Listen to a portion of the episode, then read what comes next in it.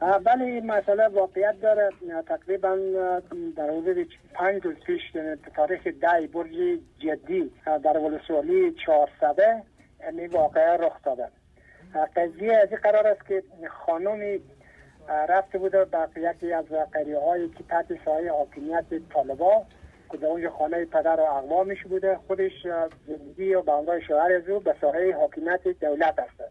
به سایه حاکمیت طالبا که میده و بعد چند شرطی با دیگار پدر و مادر و اقارب خود می‌کنه بعد می‌خواد که به خانه خود برگرده چند تا مرکب هم از اون ساعت مواد غذایی بار می‌کنه. با خود می‌بره که هم خوش بشه و هم چند تا همسایه که داره اونم چون اون رسولی سایه حاکمیت دولت سخت که محاضره ها قرار باره این خانم چهار تا مرکبه رو بار می‌کنه به هر برکه از اینا دو بوری برنج و فضل نباد خوراکه دیگه رو بار می‌کنه میاره می‌خواه بره به قریه خود. طالبا از میان و در مسیر را میگن چرا اینا رو گرفتی و چرا با سایه حاکمیت دولت می‌برید این زنه که پافشاری می‌کنه نمی‌گذاره که طالبا ایر برگردانند سرانجام طالبه ها دست عمل میشن که خرای زیر که چهار تا مرکب دار بوده هر چهار از اینا رو می‌کشن و خانم و دو تا بچه دیگه که یکی سنش ده بوده یکی سن دوازده ساله بوده. همونا رو هم با امرای خود به ساحه خود می‌برن که هنوز سرنوشت از خواب اطلاع هم معلوم نیست که جای به کجا قرار دارن چی, چی حالت دارن.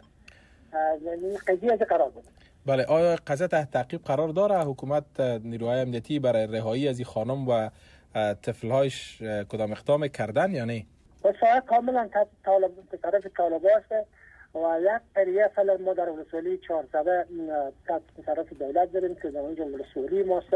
قبلا ولسوالی دیگه موقعیتی بود. نسبت به اینکه پیارا می‌تونست که اکمالات کنه همیش تحت تاثیر ضربات هوایی ضربات زمینی دشمن بود.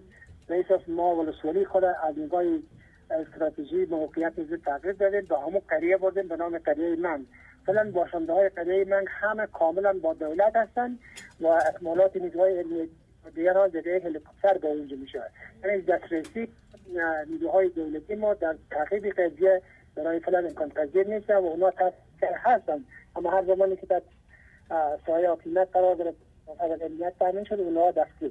یعنی طالبا اجازه نمیتن که مواد غذایی به ساحه تحت حکومت بره یا است که خانم متهم به ای کردن که گویا به نیروهای افغان مواد غذایی انتقال می‌داد؟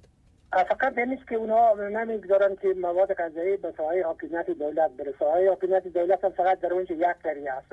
قریه هم تمام از اونها اون مردم از باشنده های از کلی دارن و از خود دفاع می‌کنن.